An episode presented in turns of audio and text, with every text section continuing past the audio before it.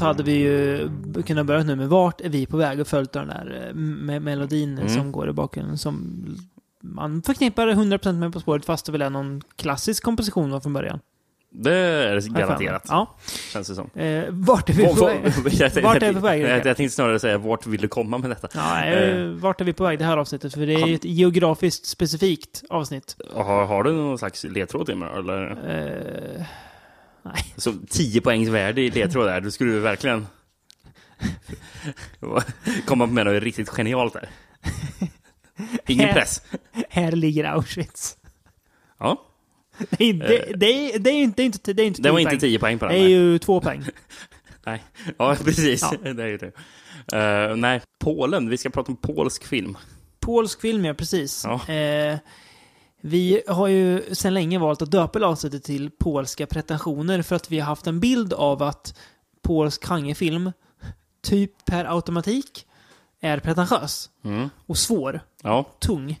ja, vi började väl med att vi skulle prata om uh, Andrzej Suwaskis uh, Possession. Mm. Men sen så kom vi på, varför ska vi prata om den? Den är, den är ju faktiskt inte polsk. Nej, utan den är- filmar ju faktiskt i USA. Amerikansk, precis. Eh, Den kommer i ett annat avsnitt, men... eh, Ja, men vi byggde vidare på det och plockade in två av hans andra filmer Mm. och tre andra polska Precis. skräckrelaterade filmer kan vi säga. Det kan vi säga. Eh, Jag tror inte säga att det är skräck egentligen. Nej, men det, är- ja, det är där och nosar.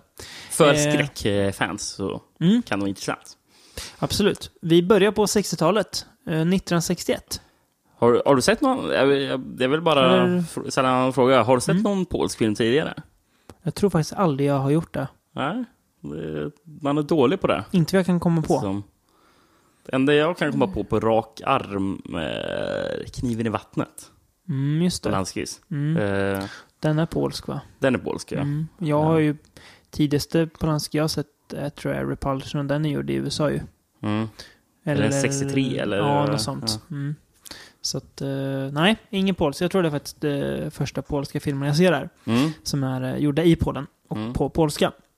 Ja, Eh, på 60-talet så är det där vår resa börjar. då. precis, Ja. 61 till och med. Ja, det är. Eh, med, som den hette på svenska då, Nunnan och Djävulen. Ja. Eller engelska titeln Mother Joan of the Angels. Mm. Vill du köra polska titeln en gång eller? Absolut inte. Matka Joanna någon, någonting. Ja. Är det, någonting, det, någonting. det säger de många gånger i filmen. Så att, eh, någon, någonting sånt är det. Matka Joanna. Ja.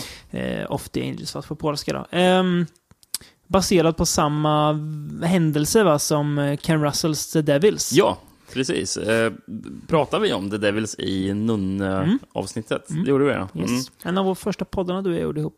Tror jag. Ja, det kan Eh, nog stämma. Tidig i alla fall. Mm. Ja, Ehm, det gjorde vi. Ja, men precis. Det är ju en händelse i Ludon, tror Mm. jag man uttalar det, Mm. i Frankrike på 1500-talet. Mm. Så det är inte riktigt medeltid alltså?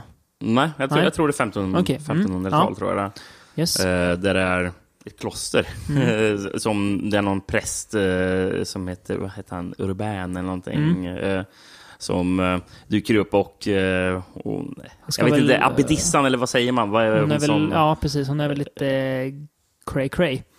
ja, eh, men hon, hon, blir typ besatt av Mm. honom och eh, när han eh, inte vill ha henne så skyller hon på att, eh, på att han nu har utövat häxkonst och Mm. eh, eh, fått sin typ djävulen i huvudet på Mm. dem. Eh, och hon och resten av nunnorna på klostret blir ju besatta Mm. och eh, präster får åka dit och göra exorcist, eh, exorcismer och, eh, och det blir en utredning och eh, här prästen eh, eh, Urban eh, blir ju till slut bränd på bål. Det här är alltså det som hände då? På riktigt, ja. precis. Eh, Mm. Och det är ju typ det som Ken Russells film handlar om Mm, också. mm. Det handlar ju fram- till hans död. Mm. Ehm, Mycket bra film. ja, ja, ja, Mm, verkligen. mm. Eh, men jag, jag läste en, hemsk grej om när de förhörde honom.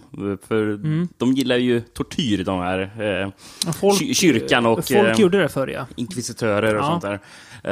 Eh, de, de hade ju någon tortyrmetod på honom som kallades för en spansk stövel.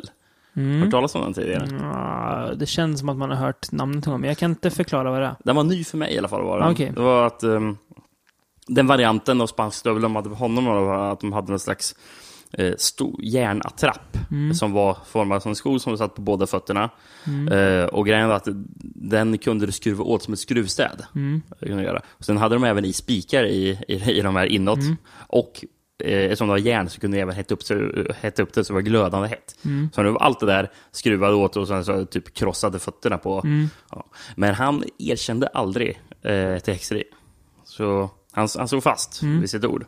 Och sen brände de honom ändå. Ja, det hade, det hade de gjort oavsett ju. Ja. Ja. Eh, det finns många teorier om att eh, det hela var egentligen en, en, en slags eh, komplott från eh, var någon kardinal som var hans fiende typ. Så att han. Som ville ha bort honom. Ja, att han blev typ framad Okej. av, av kardinalen. Ja. Schysst. Mm. Ja. Men den här filmen vi ska prata om tar vid efter hans död. Jaha. Okej, ja. Eh, eh, För då, jag, jag läste om det här att det var, eh, även efter att han hade dött så var det Mm. typ fyra år efter som nunnorna på, i klostret på, påstod sig vara fortfarande besatta. Så de hade ju gång på gång e- e- exorcismer där på, Mm. i, i klostret. Ser man. Fader Josef följer vi här. Mm. I den här filmen. Eh, verkar som han är ute och reser på landsbygden. Mm. Eh, och eh, får väl höra då när han stannar på ett ställe. Eh, för han är väl inte direkt... Eh, hans mål är väl inte att åka till Nunne, alltså det här klostret, om jag förstod det rätt, utan han hör om det Mm. av lokalbefolkningen att ja, där är något, något som är konstigt, alltså de är besatta där liksom. Så han beger sig dit då. Eh, För han, som, ja, hans mål är väl att resa runt och se till att folk blir frälsta och sådär och har det kri- kristet bra. ja, Ehm, precis. Precis, ja just det. För, ja, just det, ja men då har rätt ja. Det är ju en präst som har bränts på bål där som de säger, ja han kan ha fått dj- dj- djävulen i sig. Och eh, moder Joan då, eh, som ju är eh, abbedissan där, Mm. eh, eller vad det nu heter. Eh, hon säger att hon är besatt eh, av eh, eh, demoner och eh, att om hon skulle bli fri från dem så blir också alla andra nunnor fria. Alltså det är Mm. någon slags så här, alltså, det är en kollektiv psykos som, som uh, råder där. kan man ju tänka. Ja, precis. Eh, fria från ondskan då. Eh, och det är ju, ja, det är ju lite så här, är de besatta av någonting eller är det bara någonting annat som sker genom klostrets väggar? Eh, det är väl snarare... Det vet man det, Nej, Nej. det är, filmen låter väl vara lite osagt faktiskt, hur Mm. det egentligen eh, ligger till. Eh, den här filmen tycker jag... Nu är det inte så att folk ser ut att ha det bra i Ken Russells film, men den här filmen fångar verkligen det här land... Alltså det här misären och fattigdomen som måste ha rått där, alltså på... Ja, även i, i liksom städer, men ännu mer påtagligt tror jag, utanför Mm. städer. För det är inga liksom stadsvyer, utan han är bara ute på landet och det folk gör är typ att supa. Mm. Det är det vi, vi får se. Eh, folk ser ut att ha det ganska eländigt. Eh, ser väldigt kargt ut och Ja, tomt det gör ofta det verkligen. sig. Ja. Det är snyggt, för det ser ut som att han liksom reser på vägar där det inte finns några vägar. Mm. Utan bara, så det har de lyckats, jag tycker de har lyckats fånga eh, alltså tiden väldigt väl precis. på något vis. Det Ja. känns, den ser eh, autentisk ut. Ja, verkligen. Men det är ju en helt annan film till skillnad från Ken Russells, Mm, märker, verkligen. märker man ju. Eh, eh, alltså, för Ken, Ken Russells film är så oerhört eh, alltså, stiliserad. Ja. Är den, med, Mm. med kameravinklar och Mm. ja, alltså, allt. Ja. Liksom. Det, är, det, är, det är nästan som någon slags teateruppsättning. Mm. Med, alltså i film. Som jag Fast tror inte- faktiskt ja. att eh, det var innan Ken Russell gjorde det. För Mm. Ken Russells film baserad, som jag läste att det var en essay från 50-talet. Så det är en jävla uppsats typ. Eh, som, eh, som sen blev en teaterpjäs. Eh, Mm. och, och, sen, Sen film. film, då. ah, okej. Mm, Den här filmen tror jag inte är baserad på den här uppsatsen. Vet man om Fader Josef har funnits? Mm, där hittar jag ingen information Nej, det om. kanske är fiktivt då. Ja. Att det, ja, Eventuellt. ja det- det vet jag precis. inte. Ja, Men, men det jag menar är att till skillnad från Ken Russells film så är eh, för, först och främst fotot i svartvitt. Så Ja, bara precis. det gör ju väldigt mycket. ja, Det är ju mycket färger i Ken Russell. ja, precis. Väldigt snyggt svartvitt också. Tycker Ja. jag. Det är väldigt enkelt av, av, av, avskalat svartvitt. Jag Avskalat, vet, ja. Mm. När vi pratade om Night of the Hunter så pratade vi om hur snyggt det är med så skuggspel och så. Det är, det är inte så mycket sånt här, utan det är mer, alltså det känns nästan verkligen som att det är svart och vitt. Alltså det är Mm. mycket så här, ganska starka kontraster känns det som. Mm. Eh, och de här, alltså stora, det här stora klosser som tornar upp sig känns också så himla, alltså bara, alltså det känns så enkelt, alltså så här, att leva där är så Mm. Det är, det, är någon, det är nästan någonting i den här enkelheten, liksom, Mm. som, och det kanske är för att den är svartvit också, Mm. men, eh, men, men, att allting är så enkelt ändå, som, Mm. som tänker nästan lite på Sjunde inseglet med Mm. liksom, hur Mm. allting framställs. Mm. Liksom. Det är, Li, lite av humorn som faktiskt finns i filmen också. Den är inte alltså, gravallvarlig hela tiden. Eh, Ja, jag precis. tycker Ja, men det är samma humor som ja, i som i Sjunde inseglet, precis. Eh, jag tycker att den humorn funkar bra. Den liksom väger upp. Och den känns inte missplacerad. Eh, typ som när Wes Craven drar in buskisskämt i Läsa som det left. Eh, om man pratar om missplacerad humor. Utan det känns alltså folk eh, kanske behövde skämta bort sin misär också. Ja. Istället för att tänka på den konstant. Det tycker jag funkar bra. Sen tycker jag att, eh, precis som Vanessa Redgrave är det väl va? I eh, The Devils, som spelar Eh, eh, ja, nunnan. Så är hon som spelar eh, Moder Joanne. Jag har inte namnet på skådisen, men det ser jag att du kanske har. Uh, Lucina Viniska tror jag man Ja. uttalar. Jag tycker hon, Något- är, väldigt, hon är väldigt bra också. Hon, Hon är jättebra, hon ja. spelar det här, alltså hon är väldigt... Hon är inte alls lika hysterisk som uh, Redgrave är. Nej. Eh, utan hon är mer manipulativ här tycker jag. Alltså nästan... Alltså hon är ju öppen mot pressen direkt. Jag är besatt. Men sen lockar hon in att men du kanske kan hjälpa. Alltså så här, du kanske är den som ska frälsa oss liksom. Det är ju en scen som är jäkligt mäktig då, då, då prästerna som är där utför en ex exorcism Mm. eh, och eh, pratar med ja, den förmodade demonen Mm. inne Mm. i henne. Och hon så här, vrider på sig och går, eh, går, ställer sig baklänges, Mm. så här, ryggen nedåt. Ja, lite liksom. som, lite så, som så, när, lite som Reagan i Ja, när de, när de går ner för trappan ja. Mm. ja, precis. Uh, nej, men lite sådär. Och sen så står de och pratar och pratar om demonerna som är inne Mm. Asmodeus och Mm, mass, massa namn där. Ja, precis. Eh, och sen så, hon är så här kall liksom, och sen Mm. börjar här, hon gråta liksom, och så här, jäkla bra skådespel. Mm, väldigt snyggt gjort. Det känns liksom som att... Ja, men det är ju det man bör fundera lite på. Om det kanske är någonting i henne för att eh, sättet hon agerar på är ju inte så naturligt direkt. Mm. Ehm, jag tycker en, en annan scen som är väldigt bra, det är när han, eh, fader Josef, ber sig för att prata med en eh, rabbin, en, eh, en judisk Mm. eh, rabbi. Eh, ga- ganska lång dialogscen som bara, som filmar dem aldrig tillsammans, utan den skiftar liksom, först är det Josef och sen är det eh, rabbin då som pratar. Men det är också väldigt, väldigt laddad ganska lång dialogscen som men hänger ihop med hela, alltså ganska avskalat som den här filmen har. Mm. Eh, Men som ändå alltså, berättar en väldigt fascinerande story därför att du inte riktigt vet eh, vad det är som egentligen pågår förutom att ja, folk är väl inte helt friska i huvudet kanske. Eh, och man märker hur kristendomen fortfarande hade ett jävla järngrepp om eh, Europa. Trots att man hade börjat komma in i kanske lite renässanstider och sådär. Eh, Mm. Så var det ändå ett eh, järngrepp. Ja. En grej som alltid är olycksbådande förresten, som aldrig är positivt laddad i film, det är ju när man, när man sjunger på latin. Det är, all, det är aldrig bra när någon börjar göra det. Börjar inte filmen att, man, att det är någon som, ja, han Josef håller på att prata på Ja, latin precis. Det, ja. Mm, också snyggt när filmen börjar. Eh, jag trodde att den skulle vara mycket...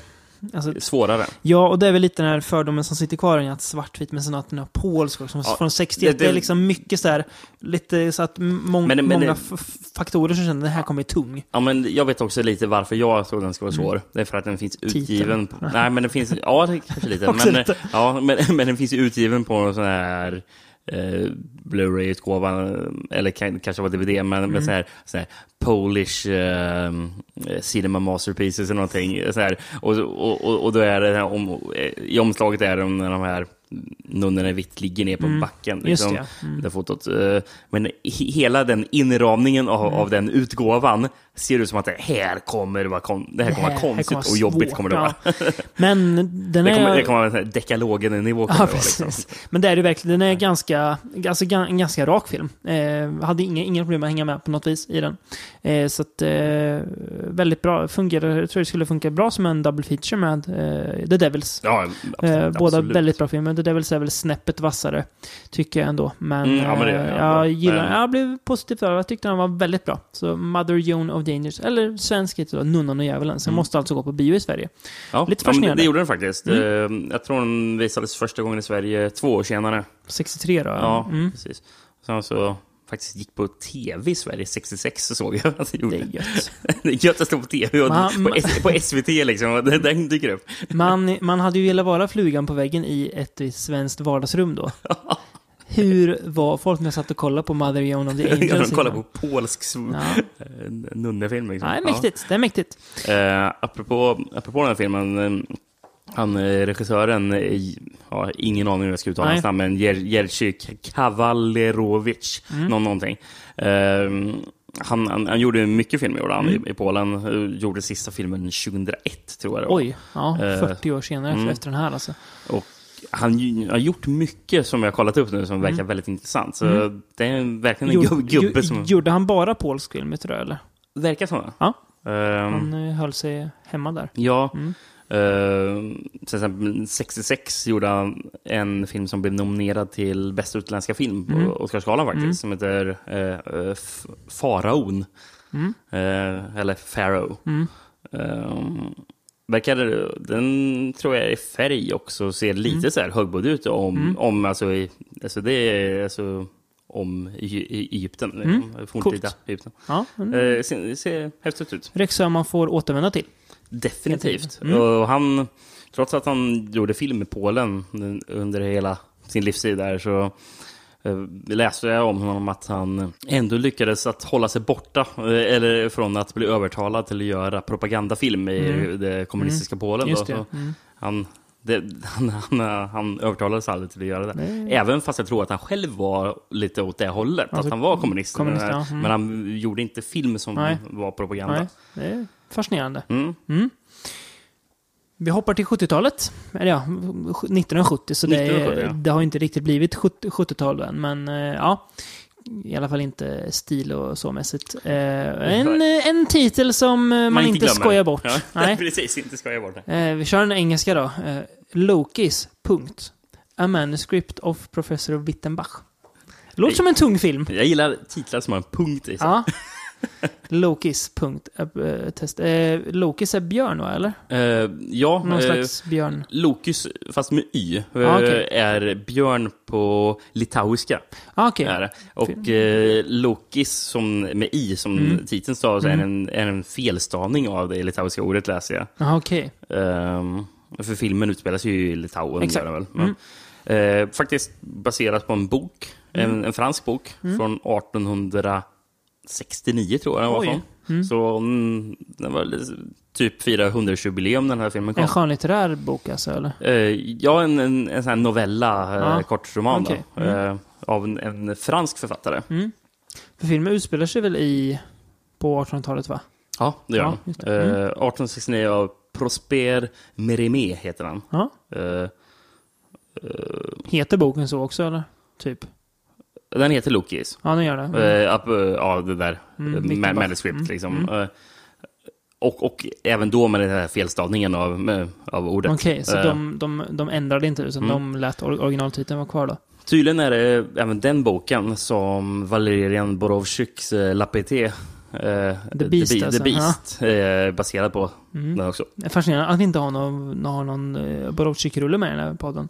Ja, Får faktiskt. vi väl be om eh, ursäkt för. Men Ja, vi får väl eh, se The Beast någon gång. Ja. Man har ju dragit sig för för att de har för sig att det är en, en märklig sexscen i den. Men den är Mm. väl ganska ansedd, så den kanske inte kan vara så märklig ändå. Nej, kanske inte då. Nej. Eh, förresten, filmen eh, gavs ju faktiskt ut på um, 100-årsjubileumet av Prosper Mérimées död. Så han dog typ året efter. Mhm. Ja, okej. Så, ja. ja. Eh, det handlar då om professor Wittenbach, eh, titelkaraktären. En tysk pastor. Mm. Eh, Så som, är han både pastor och professor alltså? Ja, precis. Eh, var säkert ganska vanligt då att man mm, rörde sig i eh, båda världar. Som prästerna var Ja. lite fortfarande de, de lärda männen. Eh, han åker då till eh, Litauen för att eh, bedriva någon slags forskning på folkmyter. Eh, han... För det, filmen börjar ganska så här lite kaotiskt när han tar skydd i ett hus i skogen Mm. under ett eh, rejält jävla oväder som han måste liksom avbryta sin färd. Eh, men når slutligen en greve då som har bjudit in, in honom. Mm.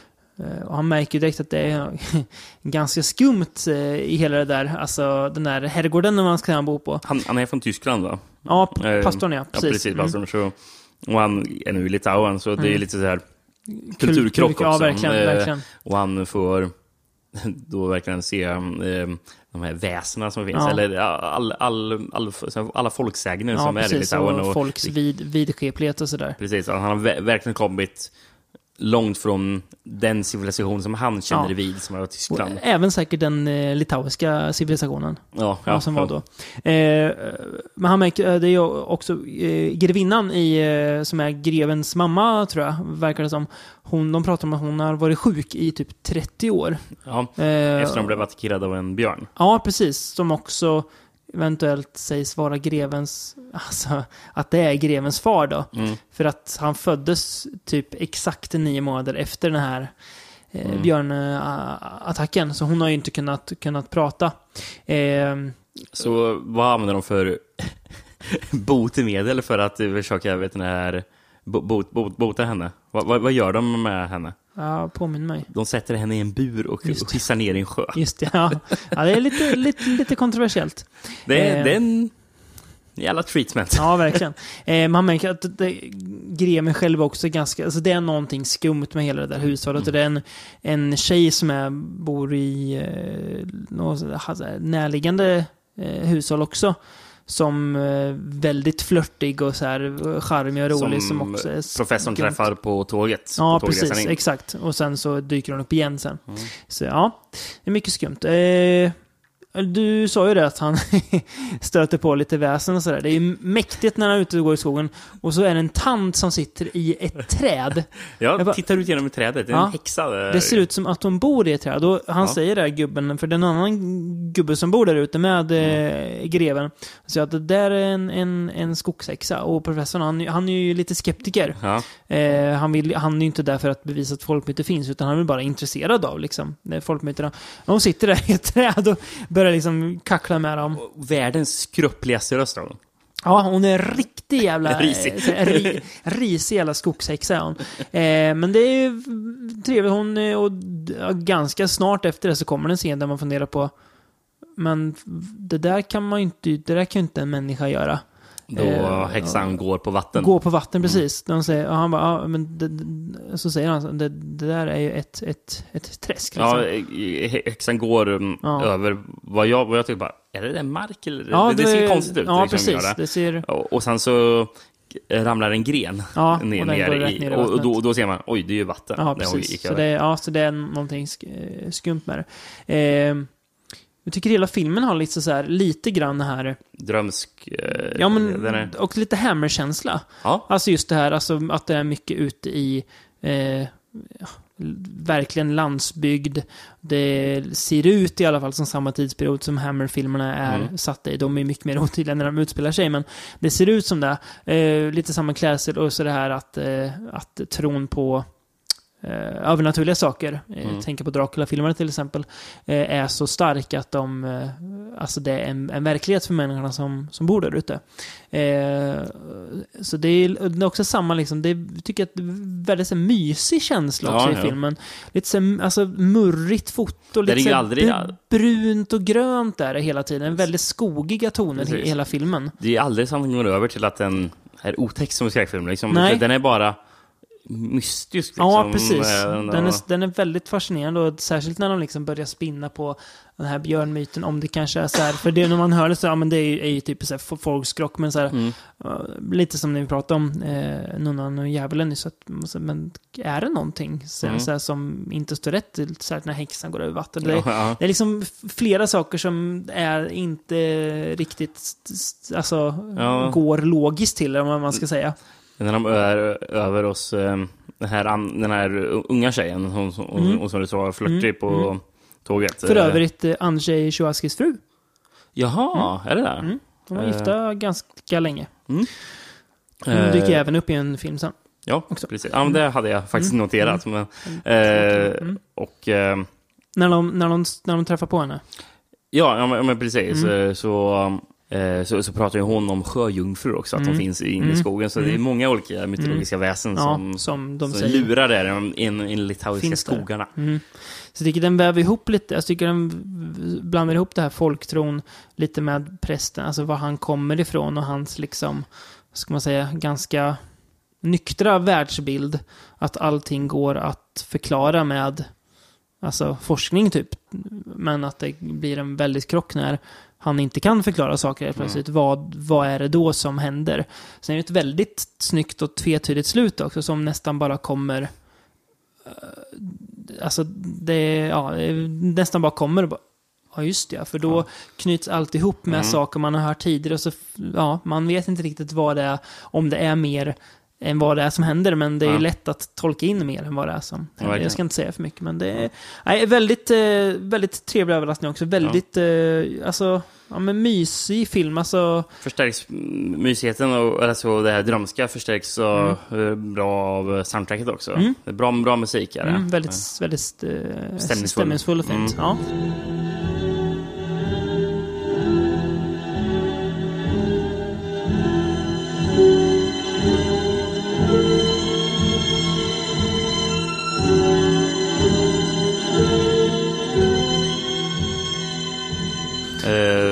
Gjord av Wojciech Kilar heter han. Mm. Eh, han gjorde musiken till eh, Bram Stokers Dracula faktiskt. är Mm. Eh, En av dina guilty pleasures, Ja. Och även till en annan jävligt bra film. Mm. eh, Och eh, apropå Polanski, Polanskis eh, eh, Death and the Maiden från 94 tror jag Mm. Eh, Ja, han, han, gjorde väldigt mycket filmmusik. Mm. Men mm, mesta polsk film. Då. Ja.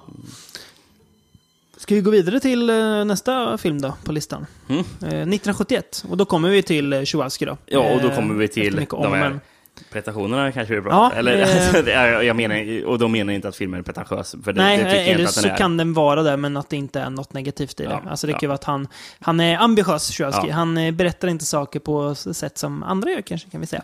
Eh, the third part of the night heter den här filmen. Mm. Eh, du vill inte dra den polska titeln på den? Försöker du på? Nej, den verkar Nej, jättekrånglig att uttala. Eh, han, Ehm, jag, jag, jag kan ju i alla fall säga att Malgorzata Braunek, som då Ja. var Svarsky's Mm, fru, som du nämnde, återkommer ju Mm, här. det de. Eh, Eh, baserad på en bok av Tchaikovskys farsa. Ja, just det. Mm, Mm. Som han eh, byggde på. Lite Eh, coolt. Från Och det är upp- upplevelse hans, från andra världskriget. Precis, hans debutfilm tror jag. Ja. Också det här. Mm. 71 sa du, Ja, exakt. Precis. Eh, ja, precis. Andra världskriget rasar ju i, och den utspelar sig i, i Polen. Eh, och en man som vi förföljer som heter Michal. Mm. Eh, han ser hur hans familj, eh, fru och eh, son, Och eh, mor också. ja just det, mördas av tyska soldater. Helt liksom meningslöst. Alltså Ja. det är bara alltså, grymhet. Det finns inget syfte att döda de här. För det, återigen, de bor ute i landsbygden och tyskarna verkar mest rida förbi där av, alltså på väg någonstans. Mm. Och så passar de på, nu, död, nu dödar vi dem. Han lyckas, eh, han är inte hemma när det, men han ser på avstånd när det händer. Så Mm. att han lyckas, så han eh, flyr undan eh, livet på landet då, och drar in till stan. För Så han- det var typ med motståndsrörelse. Ja, precis. Eh, och, men eh, ganska snabbt därefter blir han jagad av soldater. Så att de ser väl att han är inte han är fiende eller någonting. Då. Mm. Polen var ju och, ockuperat under andra världskriget. Så, så att det är ju väldigt osäker och eh, känns nästan så här, alltså det känns väldigt dystopiskt gör det. Ja, men det är soldater överallt och hela tiden regelbundna kontroller. Och, Exakt. Eh, sen så hit, när han är på flykt då, så hittar han en eh, gravid kvinna. Eh, och som, alltså, hon, är, ja, hon är så gravid som man kan bli för hon föder barnet och han hjälper henne med det.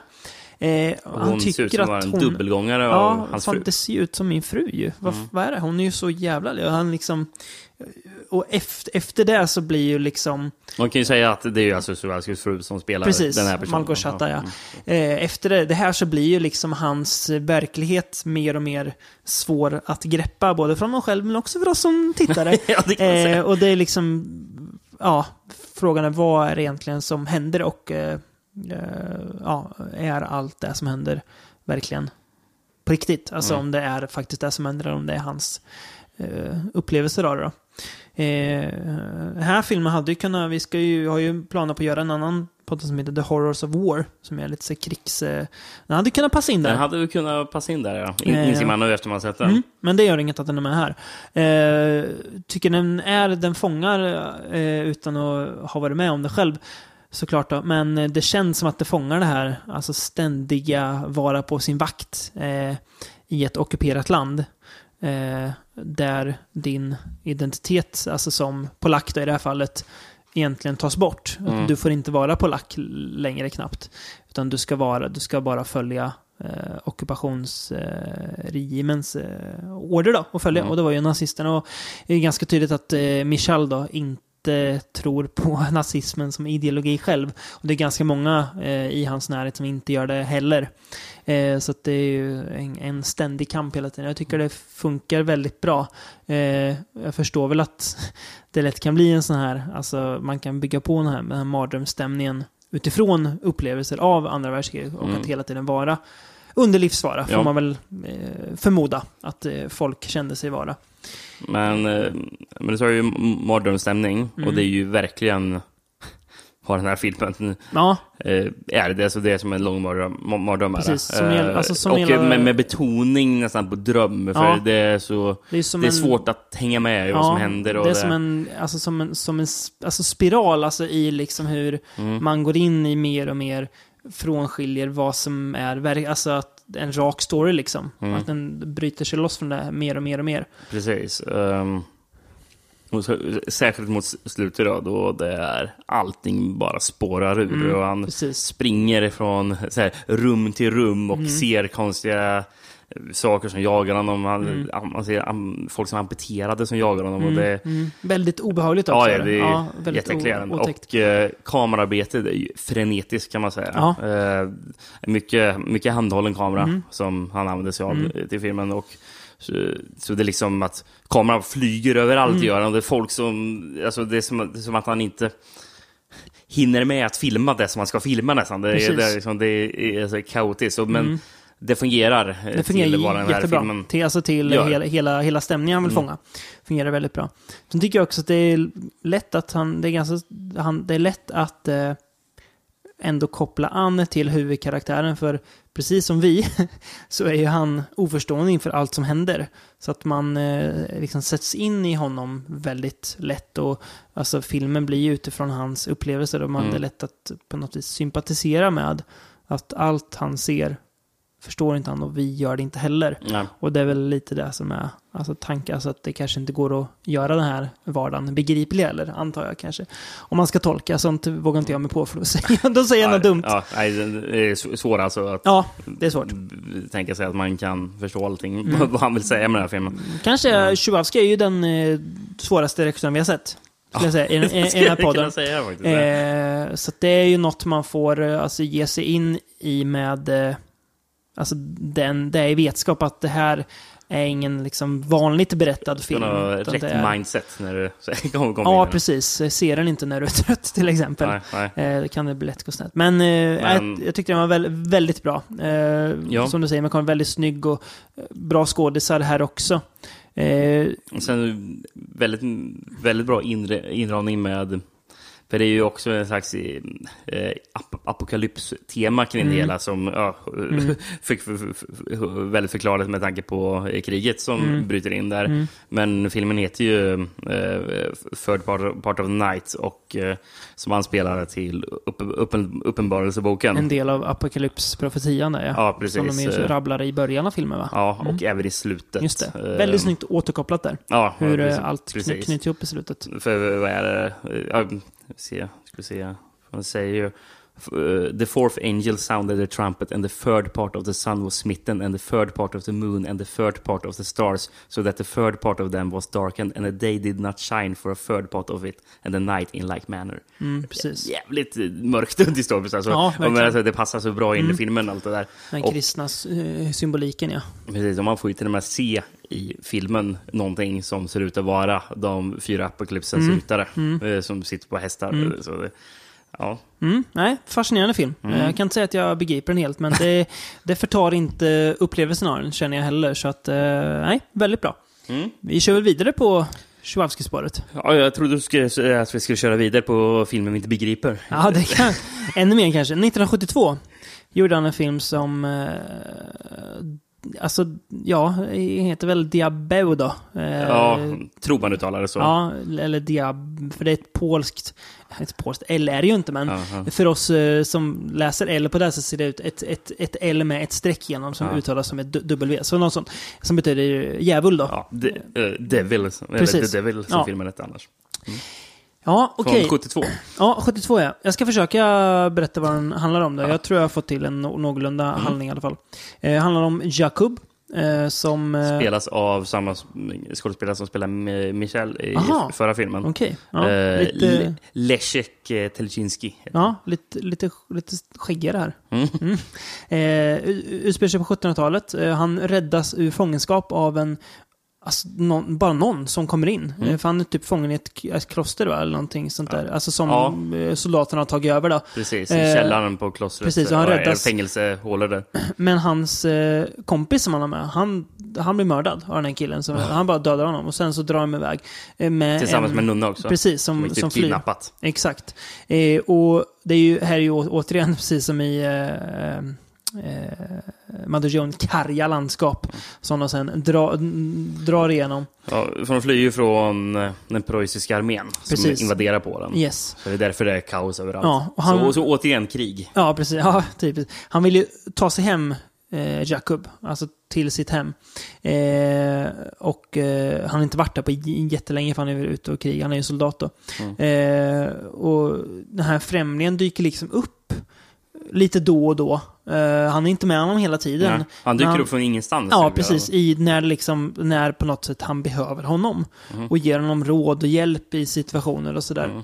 Det är något läge han kommer fram till en, en stor byggnad där hans tjej, eh, hon ska gifta sig med en, en, en av hans vänner, va? Eller? Ja, För de, de tror att han är död. Mm. Och han säger den här då, nej du, du ska inte gå in där. Alltså, nej, det där är, det där är inte, det är inte för dig. Mm. Och en bevittning, alltså, han, han ser, längs vägen ser han massa konstiga saker. Han stöter på något teatersällskap ute i skogen och eh, som vill ha honom för att han är så vacker. Alltså det är massa så här, alltså, alltså, saker. Också det här, vad, är det, vad fan är det som händer? Ja, ja. Eh, som vi stöter på med honom längs Så- vägen. Precis, och sen är det ju frå- en frågan om den där främlingen verkligen är till någon god hjälp.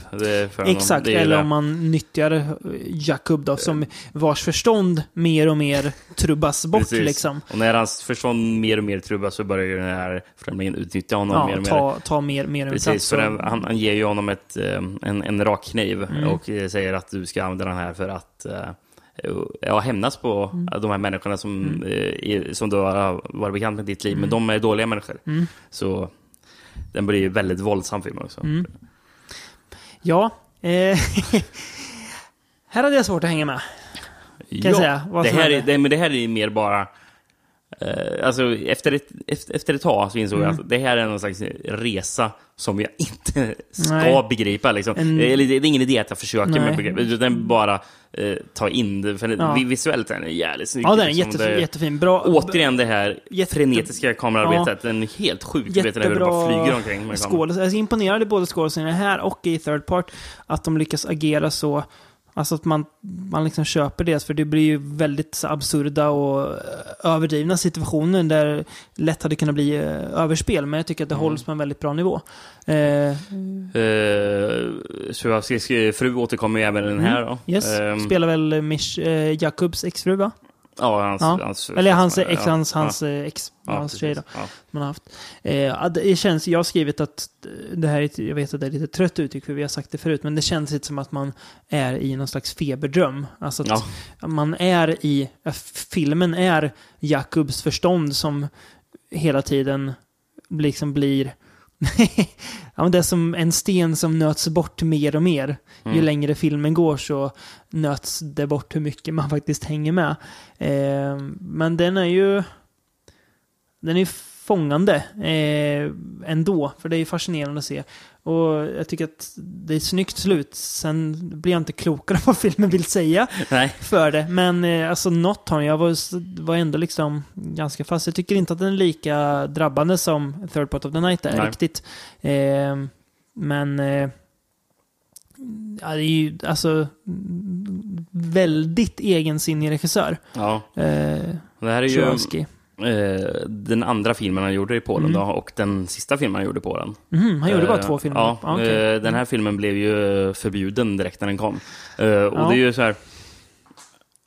Att, att, och den, och an, anledningen till att den förbjöds sades att den var, att den var liksom obscen. Liksom. Mm. Man, kan, man kan väl tro att den egentligen förbjöds för att man inte riktigt var överens med Suwalskis politiska åsikter. Ehm, och eh, 1975 så, eh, så hade det kommit ett dokument som, eller om att, eh, att regeringen förbjöd att man ens, eh, det, fick inte ens finnas någon information om den här filmen. Den fick inte skrivas om den. Men man, man förnekar inte Third Part of the Night, eller? Det vet jag inte. Nej, jag tror nog inte de det. kör ska vara liksom Jag tror nog inte det. Oj, ja. Men den här liksom, Mm. den, den, man fick inte prata om den. Mm. Liksom. Eh, Och eh, Suwalski drog ju till Frankrike. Mm. Typ nästan flydde liksom från den kommunistiska regeringen. Mm. För han kunde inte vara kvar där längre. Nej. Så, så det var väl typ där han spenderade resten av sitt liv. Mm. I Frankrike. Mm. Han Gjorde- väldigt mycket fransk film. Mm. Eh, sista filmen gjorde han väl bara för nå- Mm. några år sedan. Mm. Innan, innan han dog. Mm. 2016 tror jag. Mm. Han dog ganska nyss, ja, precis. Mm, Mm. i, I cancer gjorde han. Ja. Så, ja, nej, men fascinerande. Pos- Possession är väl från åt, tidigt 80-tal, tror jag. Ja. Eh, det är ju en, Ehm, en, men- en jävla upplevelse det också. Eh, det- den här filmen, eh, The Devil, då, den visades först i Polen 87 sen tror jag. Mhm. Så då liksom kom Och då var den okej sen, eller? Ja, ja. Mm. ja, det var ju då som kommunismen började tappa greppet Mm. också. Precis. Europa mer och mer. Ja, där ser man. Mm. Nej, men den är... Ännu mer varningstecken utfärdas då om man är ute efter en vanlig film. För att den här är, ja, det är, en, inte lätt att hänga med men eh, ändå, alltså ändå fascinerande på något vis. Den har ju någonting, sen vet jag inte riktigt vad det är, men det är Nej. någonting med den jag gillar, ja. uppenbarligen. Som jag fastnar Jag så jag skulle nog vilja se om den någon gång också, Mm. bara för att...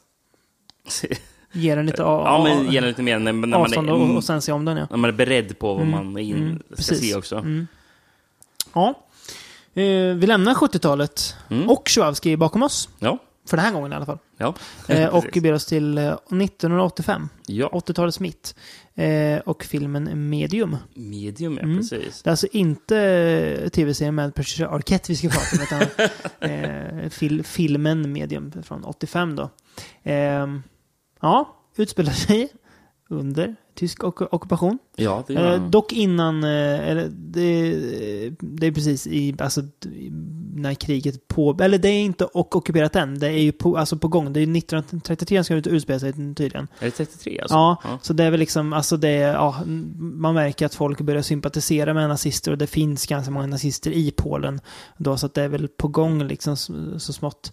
Eh, jag var också lite förvirrad där med tiden först, men tydligen ska det utspela sig 1933, Ja. läste jag enligt han. Okej. han, han, ju lite förvirrad också för... eh, Ja, det kan ju vara jag som inte har koll på, men när Polen blev in- invaderat. Mm. eh, 39. eh, så, men menar du att det fanns alltså redan...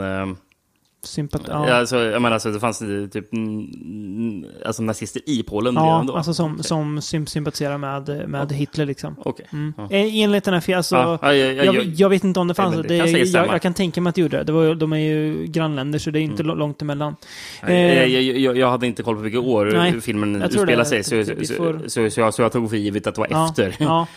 Eh, det börjar i alla fall med att ett, ett, eh, det är ett medium då, Mm. som får eh, visioner av eh, flera människor som typ som robotar bara verkar dras till olika platser och de reagerar inte på saker omkring så de bara går, alltså ser ut som zombies nästan. Mm. Eh, och de har väl egentligen inget med varandra att göra, de här personerna. Egentligen, alltså vad vi vet från början. Ja. Eh, en av dem är kommissarie Celine, som sen eh, blir typ filmens första huvudperson kan man väl säga. eh, som eh, upptäcker en, eh, i ett gammalt hus, en eh, man som ser död ut, han är medvetslös bara. Eh, och han ja, undrar vad fan, vad fan är det som har hänt här då? Varför, Mm. varför sitter han i en soffa och medvetslös? Så förhör han en, eh, en man som rymmer från platsen. Eh, men blir väl inte mycket klokare. För den här mannen, eh, ja, han, lite Renfield-aura på honom nästan. Ja, väldigt mycket Renfield ja. Faktiskt. nu när du säger det. Ja, så, känns väldigt, väldigt så. ostabil och här Ja. ner- nervös av sig liksom.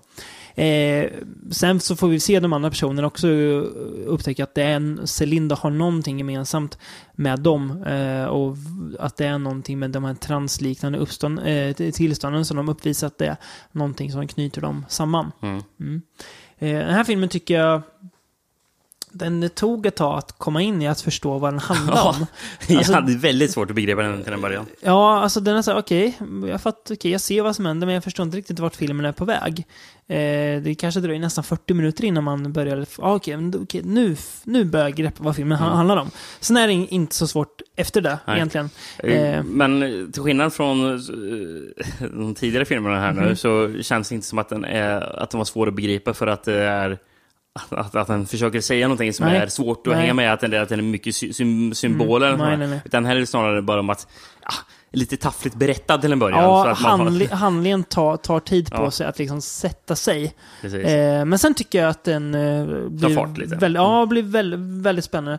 Jag tycker att det hela tiden, även när man inte riktigt är med i vad som händer, så tycker jag att det är en väldigt Alltså väldigt snygg eh, atmosfär. Mm. Det är ju fascinerande att se polskt 80-tal. eftersom man, Ja. Bilden av 80-talsfilm i sitt huvud är ju så himla alltså, påverkad av hur eh, amerikansk främsta 80-talsfilm Mm. var. Kul att se att polsk 80-talsfilm inte var så riktigt likadan ut. I alla fall inte, inte den här filmen. Nej, ja. Jag ska kanske inte bygga mina slutsatser på en film. Men eh, det, det blir ju någon slags eh, en, en thriller med tydligt okulta inslag Mm. som den utvecklas till sen. Eh, återigen den här sättningen i det här, eh, alltså ett land där man ändå, alltså det verkar som att nazister, alltså att de väldigt mycket eh, an, an, angiveri och sådär, folk skvallrar på varandra. Mm. Ja, det är det ju. inte riktigt lika, alltså så här, titta över axeln som i eh, Third Part of the Night, men ändå så här, du får tänka på vem du litar på. Bland annat en av kommissariens kollegor är ju upp, han visar ju upp tydliga nazisympatier. Mm. Eh, hänger upp någon eh, naziflagga i början och frågar varför gör du så? Ja, men jag väl ing, man har väl inget, ing, inget val snart. Ja, just det, ja. Utan han Mm. eh, inser att, ja, väldigt eh, opportunistisk. Han gör det väl, ja. Ja. men vad ska jag göra då? Det är bara, det är bara liksom följa med i stormen. Jag kommer, alltså, ja. Det var kanske det som ledde till att det var så lätt. Jag vet inte om det var, hjälpte till att många gjorde så. Bara vek sig för Hitler liksom. Ehm, sen eh, gillar man ju också att det är olyckliga slut i filmer. Mm. Det tycker man om. Som det är i den här filmen. Det är det ju verkligen. Eh, och jag tycker att det blir en väldigt intressant story när man väl förstår och jag tycker att den avrundas väldigt bra också. Det är ju fascinerande att en film har en... Det brukar ofta vara tvärtom. Att en film eh, avslutas sådär, men den här filmen börjar svagt men liksom lyfter sig Ja, och faktiskt. slutar väldigt Mm. bra. Det blir en väldigt intressant story. Eh, jag tyckte Man- den var ja, ja. väldigt bra. Ja, verkligen. Eh, Man känner av att den känns som att den här filmen... Det känns som att den har lite lägre budget än, än de Mm, andra filmerna mm, vi pratat mm. om. Det, Den- och det den märks det är lite någonting. eh, Mm, mm. på den. Väldigt Eh, alltså enkel också. Så, mm. eh, i, i eh, övrigt. Det är ju ingen, alltså när man väl förstår handlingen så är det inget svårt att hänga med i. Eh, så det är väldigt rakt berättat. Men jag tyckte Mm. den var trevlig. Det är väl kanske det mest, ja Lokis då det- kanske, men det mest alltså, den- skräckiga av de här filmerna. Alltså, Ja, jo, det är det. förutom eh, Lokis då. Men, eh, och, men eh, ja. Imponerad av Polen. Ja, eh, Polen har ju bjudit upp här. Mm, jag blir sugen på alltså, att ge mig in på den, alltså, den, den, den filmscenen ännu mer. Ja, ja det, är, ju- det är bra det. Mm. Det känns som att det är liksom ett outforskat eh, hav nästan. det vet att de, det finns ju massa så här, och det, det känns ju svårt. Polsk sci-fi. Som är så här två, två timmar lång. Då känns det som att de, men det, Jag- var nära att välja till det här avsnittet. Jag hittade ju en um, polsk eh, typ sci-fi efter apokalypsen-film som även är eh, lite komedi. Eh, Svart komedi blandat med apokalyps. det låter liksom. gött ändå. Eh, Men jag valde bort den för Ja. eh, Lokis tror jag, Mm. och valde in. Eh, Får Men, Återkomma till den kanske. men Ja, det finns mycket som Mm. verkar märkligt och Väldigt bra också. Fascinerande. Så ett eh, spännande filmland. Ehm, någon som inte verkade så mycket i Polen Mm. och som inte alltid är spännande, som gör en comeback i den här podden. Ja. Det är oj, ju, oj, vilken comeback det är ju vår ärkespanjor Jesus Franco. Eh, med en film som jag har sett förut, som jag avskydde då. Ja, så nu tänkte jag att ah, nej, man kanske ska ge den en annan Ja, chans. den är inte riktigt lika dålig den här gången tycker jag faktiskt. Oj. Eh, Jag måste säga, alltså den, jag tyckte den var ännu värre då. Ehm, Nightmares Come At Night som är en av titlarna. Eh, vi väljer att am- använda den den här gången. Jag hade ju förfärligt tråkigt. Men, eh, kul är det inte. eh, ha- hade du en annan titel på den eller? Nej, men jag, jag, om man vill söka upp den, den kommer inte upp på det här på IMDB om man skriver det. Så sök på Soledad Miranda som då är med lite grann, för hon gjorde Ja. inte så många filmer. Då, Mm. då är det lätt att hitta den. Eh, 72, Ja, det är svårt att veta. Ja, men, okej. Ja, men, ja, men, det- men det- 72 verkar de flesta i alla fall ja, skriva. står det på IMDB. Det, Ja. ja. vi, och då är ju två år efter Soledad Miranda har dött då. Mm. Och jag ska förklara snart varför, efter handlingen då. Eh, filmen börjar eh, med att en kvinna drömmer mardrömmar och sådär. Det Sen är så... fan mardrömmar inom, inom grova citationstecken. Ja. Hon, hon, hon ser en kvinna som hon en gång kände och sen ser hon papegojor. Ja, Oj! det är otäckt. Det är otäckt. Men hon behöver hjälp, tänker en doktor, då, spelad av Paul Muller. Väldigt, eh, väldigt tråkig den här filmen. Han kan ju vara väldigt god, men här är han tråkig. Alltså, jag tror du skulle kalla det sympatisk, för det är ingen utstrålning. Nej, det har noll utstrålning i den här filmen. Eh, det kan ha annars, men inte här. Eh, och hon behöver börja ta medicin och sådär. Men sen så har typ, de typ något hemligt möte och hon försöker liksom förklara vad det är som är svårt. Och eh, verkar ha något med hennes förflutna att göra och det, det blir svårare för henne att skilja vad är det verkligt och vad är det som är dröm. Den här filmen är alltså ett, eh, ja, det var handlingen. Det, jag, jag, vet inte riktigt vad det handlar om eh, sen. Alltså, jag tror Eh, inte det är väl alltså- Franco alltså- själv vet vad det Nej, handlar om. filmen handlar väl typ om, är hon galen eller inte? Samtidigt kommer Soledad Miranda in som juveltjuv. Ja, och en jävla cameo. För hon är med kanske totalt fem minuter av filmen.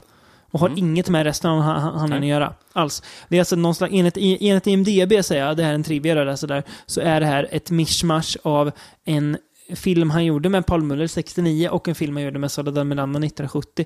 Så det är alltså ingen egen film, Nej. typ. Utan det är någon slags eh, mixtape av två filmer eller någonting. Jag vet inte. Eh, det är ju typ, alltså i princip obefintligt. Det blir lite handling sen mot slutet. Eh, spoiler alert då. När det verkar vara som att doktorn och eh, hennes, eh, här kvinnans älskarinna, eller vad det är, roommate, Mm. försöker lura henne så att de blir galen så att de kan ta hennes pengar eller något. Så att, alltså typiskt, ja, man, man, har sett, man har sett det förut i Franco-film. Och det alltså- har man definitivt Alltså gjort. egentligen tycker jag inte att det är en så dålig story, men det är att den är så, alltså, det märks att det inte är en riktig film. Alltså Nej. på många sätt. Jag tycker att den blir, Alltså, alltså... alltså, vi har ju som alltid i varenda jävla Franco-film så är det ju någon, nån scen på en nattklubb. Mm. Och här är det, för hon drömmer om, det är flashbacks när hon eh, dansade. den här, och träffa den här roommate, Ja, eller, hon- eller vad hon nu är. Hon, hon dansade på nattklubb. Ja. Eh, Alltså det är säkert tio minuter av filmen som utspelar sig, alltså som bara baseras på att hon står långsamt dansar med långsam musik. Mm. Det är gött. Tio Nej, det är minuter! inte. Ja, jag vet. Nej, det är det är ju, alltså det är ju, det är ju sömnigt tempo, alltså det är det. Eh, jag vet inte, det är... Det är, så synd, det är så synd för att man har liksom, man har, man börjar, man börjar glömma bort de här bra Franco-stunderna och tänker, fan det höll karln på med? Det är så mycket film man känner som känns som att han bara gjorde på, för att ha något att göra liksom. Och jag, Det kanske var så också. det, det var ju en jäkla besvikelse för mig. För, för jag tänkte bara, oh, men nu ska vi tillbaka till Franco. Ja, men det blir ändå lite gött. Mm. Och jag tänkte bara, åh oh, vad bra, vi börjar med en Soledad Miranda-film. Så det blev jag jätteglad. Mm. Liksom. Och sen Det- bara, nej. Nej, hon är väl bara någon slags affischman för frankofiler. Mm. Hon, är inte, hon är med väldigt lite, extremt lite. Eh, lite fult också att klippa in henne i en film efteråt om hon har dött kan man tycka. Men det kanske inte Det var, var- Francos beslut. Men det var flera av F- Francos filmer där hon faktiskt är med som huvudroll som faktiskt uh, gavs ut efter hennes död också. Ja, okej, men då kanske de ändå She var- Killed Ecstasy. Ja, men den var ju ändå fair. Alltså, den, Ja, var, en- ja. ja. den var ändå tänkt. Alltså, här känns som att ja, vi har lite material med Soledad Miranda, vad ska vi göra med det? Men vi slänger in det i den här filmen. Mm. Ja, det blir bra. Ja. Nej, det, Vad jag fattade som så... det är en ganska jag- illasmakande cocktail den här filmen kan jag säga. Ja. Eh, Jag, jag läste att filmen eh, eh, visades bara på typ en biograf i Belgien. Det var det enda jag gjorde. Och sen så var ju det här räknades som som man trodde var en försvunnen Franco-film. Ja. För ingen visste var den fanns fram till 2000-talet. Mhm. Eh, typ 2002 eller någonting, då man faktiskt hi- hittade den till slut. Eh, så den fanns inte. eh, Märkligt. Få tag på. Ja, nej, det är en... precis som många andra vi har pratat om, inte en av Francos starkare stunder. Eh, musik av Bruno Nicolai, men det gör inte så mycket för det är inte så mycket musik. Det, alltså, det låter ibland som att det är Bruno Nicolai-musik. Ibland, Och sen låter det inte låter det som som typisk så här, Franco Ja. piano. Ramla på pianot mm, musik, ja. Och troligen är det inte Nicolai då, utan det är bara, man har säkert använt hans namn för att han har gjort musik med Morricone, så han är bra affischnamn. Han gjorde säkert typ, ledmotivet i, förtexten eller någonting sånt där. Ja. Jag har ju sett sämre Franco känner jag, men det är... Jag kommer inte komma ihåg den här filmen och då har jag sett den två, två gånger nu. Jag minns knappt nu vad den handlar om. Ja. Så det är ju inget bra betyg. Det kan man inte säga. Nej. Vi fortsätter på det geografi- geografiska även framöver va? Tror Ja. Eh, vi åker... Eh, Till USA? Vi tar flyget från Krakow. Ja. Eller från Warszawa. Ja. Eller Gdansk. Eller någon annan polsk storstad. Och ber oss eh, landa på JFK Ja. i New York. Men inte den New York vi känner till idag. Nej. Utan Det- den, den New York som var innan man gjorde det fint. Innan man städade upp New York. Det är fan the sleazy streets of New Ja, York. det eller? äckliga, ruttna, smutsiga New York. Där liksom eh, prostituerade, hallickar, uteliggare och eh, andra snuskiga människor var de som ägde gatorna. Mm. Eh, så där ska vi, dit ska vi be oss nästa gång och se lite film. Eh, lite Kanske film någon dåre som är ute på gatan. Ja, det kommer det garanterat vara. Flera stycken säkert. Eh, så det blir fascinerande. Eh, så dit beger vi oss nästa gång och se hur New York behandlar oss. Eh, Så man stöter på någon galning. Du är så jävla uppenbar så att det är nästan skämmigt. Vi kanske ser någon, någon borrmördare också. Ja, oj, oj, oj. ännu Ja, ja. mer påtagligt. Nej, men det blir spännande. S- vi kan inte lova något, men vi ska försöka hitta någon Franco som har något med New York att göra. Jag vågar inte det lova för mycket, svårt, men, men, eh, vi ser vad vi hittar. Vi kanske, det, det kanske helt enkelt blir en Franco som utspelar sig i USA. Det kanske till och med blir svårt. Men, ja, Ja. Vi får se. Vi eh, har alltså ambition i alla fall. Så hörs vi om sisådär två veckor igen. Tack för att ni har lyssnat.